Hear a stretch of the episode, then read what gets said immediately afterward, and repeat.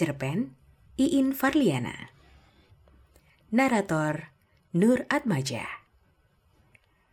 Ilustrasi musik Endah Fitriana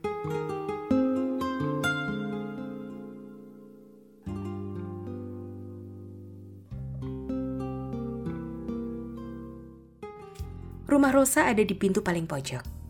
Aku harus menaiki anak tangga sempit sebelum sampai ke sana. Beberapa ekor lalat mengerubungi sebuah nyiru, berisi ikan kering yang dijemur di anak tangga kedua.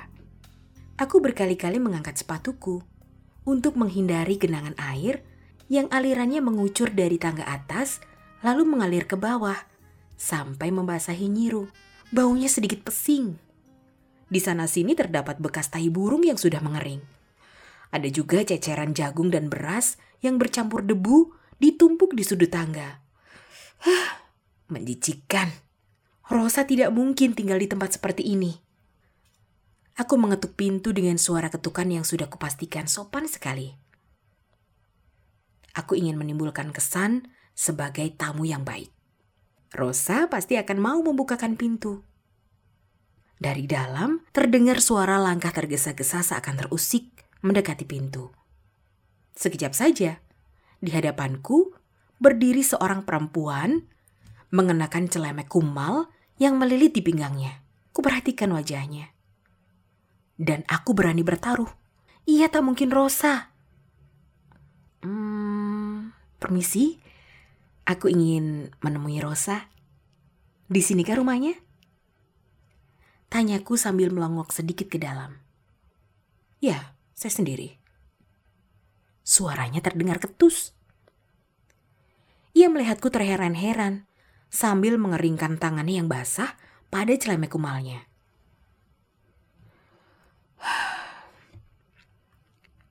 Kau ingat aku, Rosa? Aku ragu-ragu. Apakah langsung memberitahu namaku atau membiarkannya mengenali sendiri? Lagi pula aku masih tidak percaya perempuan di hadapanku adalah Rosa yang kucari. Ia diam beberapa saat sambil menatapku dari atas ke bawah. Aku melihat ada sebersit kemarahan pada matanya yang bercampur dengan keletihan. Ia masih saja menggosok-gosokkan tangannya yang berbau sabun cuci pada celemek itu. Um, apakah kau... kau Sarah?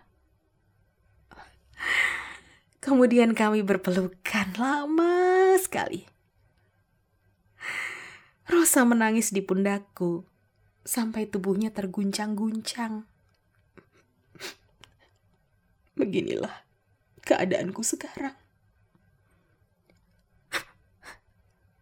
Rosa menundukkan wajahnya, seakan ingin menyembunyikannya dari penglihatanku. aku tetap dapat memastikan bahwa perubahan wajahnya jelas sekali. Terlalu tua untuk perempuan seumurannya. Aku tidak tahan, ingin cepat-cepat mengeluarkan buku catatanku lalu menuliskan perubahan wajahnya. Tapi aku harus bersabar dulu. Rosa pasti tidak suka dengan niatku itu. Ke mana suamimu? Tanyaku tanpa bisa berhenti menggerakkan kepalaku ke kiri dan ke kanan. Aku berkali-kali meyakinkan diriku bahwa yang kulihat adalah Rosa. Anak perempuan Rosa berlari-lari tanpa memakai celana sambil menggenggam roti di sekitar tempatku duduk. Ia tertawa riang dan sepertinya senang dengan kehadiranku. Aku sudah merekam pemandangan ini dalam otakku dan kupastikan aku tetap dapat mengingatnya sampai aku pulang ke rumah, lalu mendeskripsikan semuanya dalam buku catatanku secara rinci.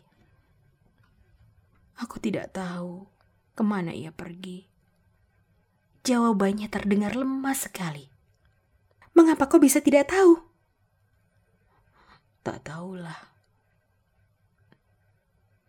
Ia mengangkat mukanya dan menatapku dengan pandangan menyelidik.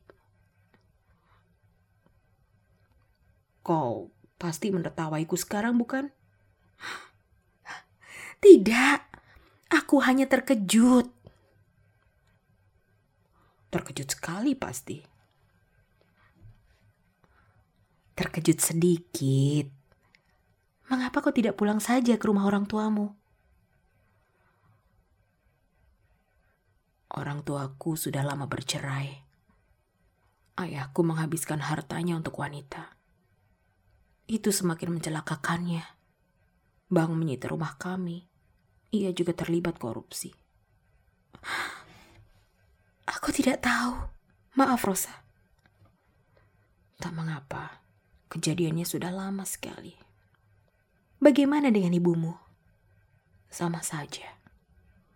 Dia agak sedikit terganggu jiwanya. Kau tahu, ibuku tidak bisa tanpa kemewahan. Nah, sekarang ceritakan padaku, bagaimana kau bisa sampai ke neraka ini? Tony yang memberikan alamatmu padaku. Aku bertemu dengannya di kafe. Kami membicarakan masa sekolah dulu. Dan saat itulah kami membicarakan tentangmu. Ah, Tony. Dia pernah datang kemari. Tapi aku tidak berani membuka pintu. Dia selalu tahu tentang apa pun. Tony masih menyukaimu. Apa dia bilang begitu? Kalau waktu itu aku membuka pintu dan ia melihat keadaanku, ia pasti tidak suka lagi padaku. Tidak, dia memang sudah tahu.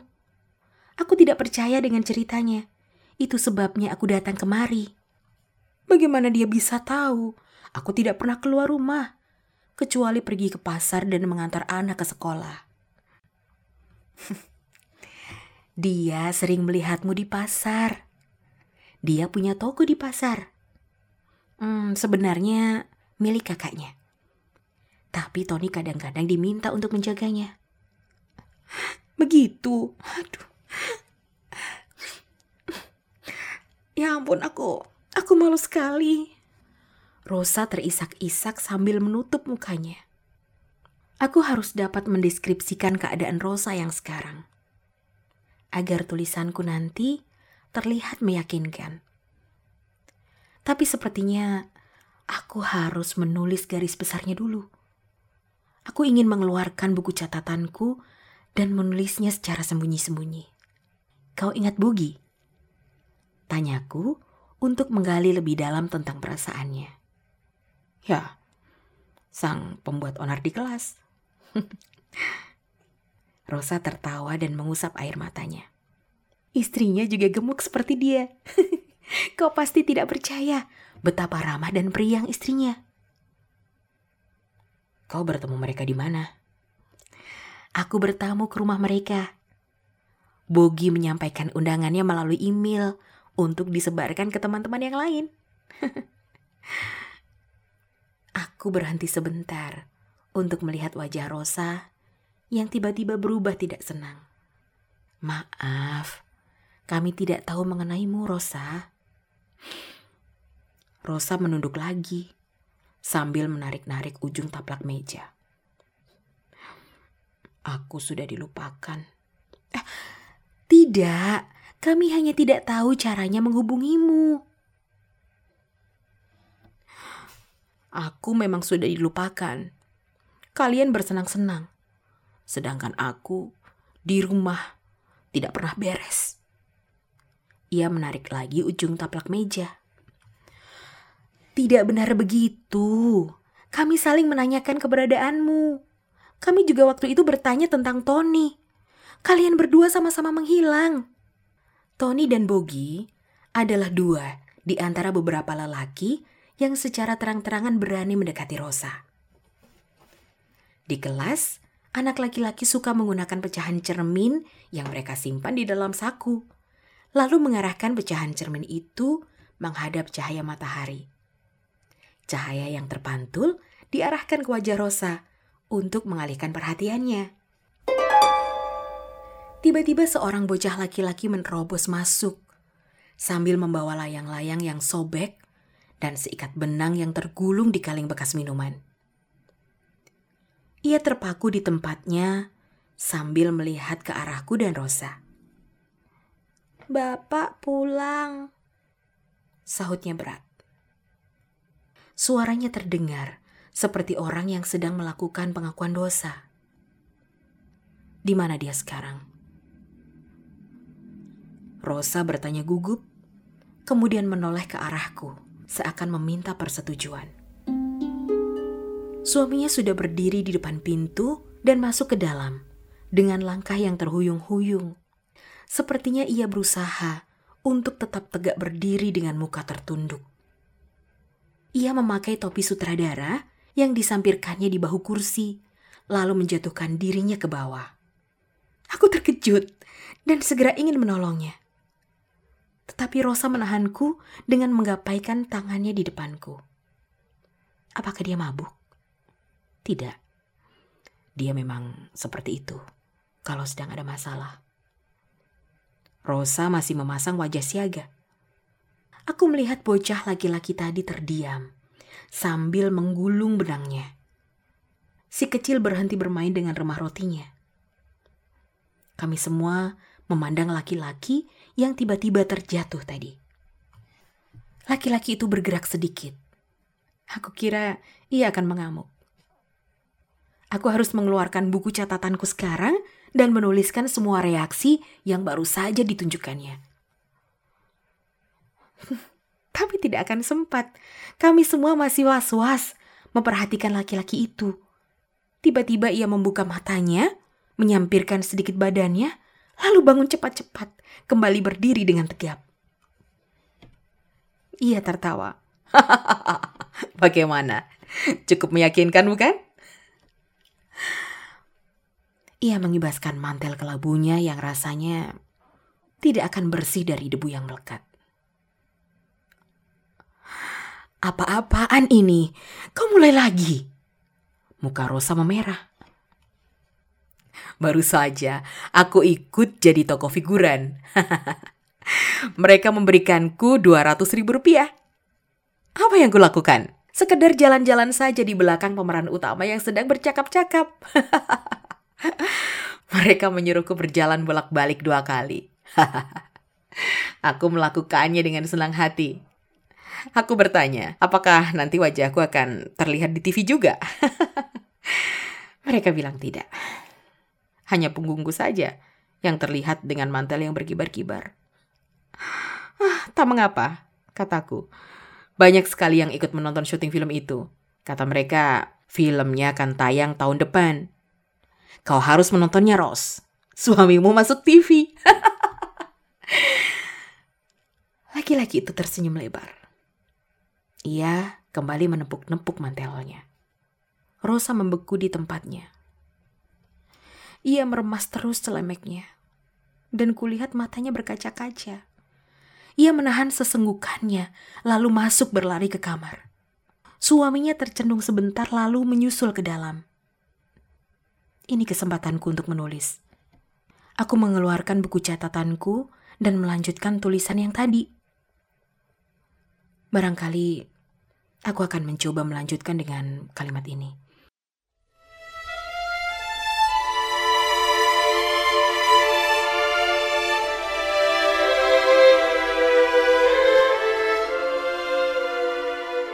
Rosa sebenarnya adalah gadis cantik di sekolah kami.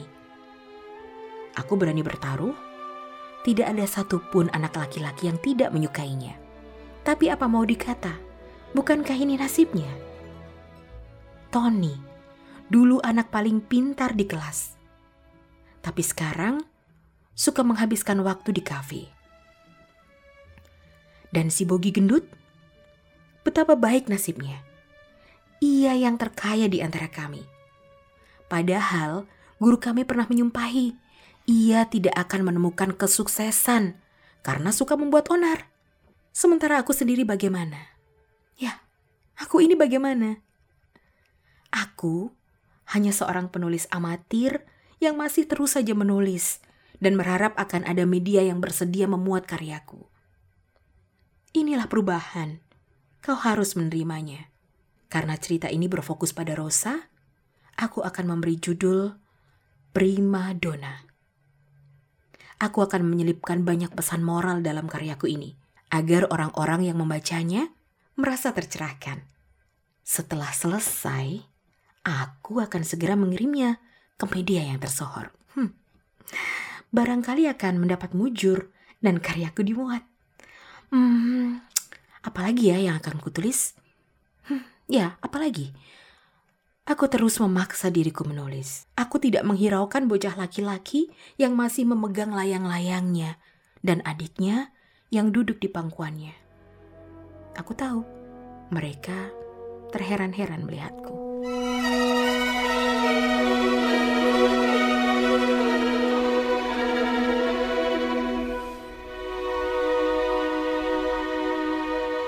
Sastra suara ini dipersembahkan oleh divalitera.org.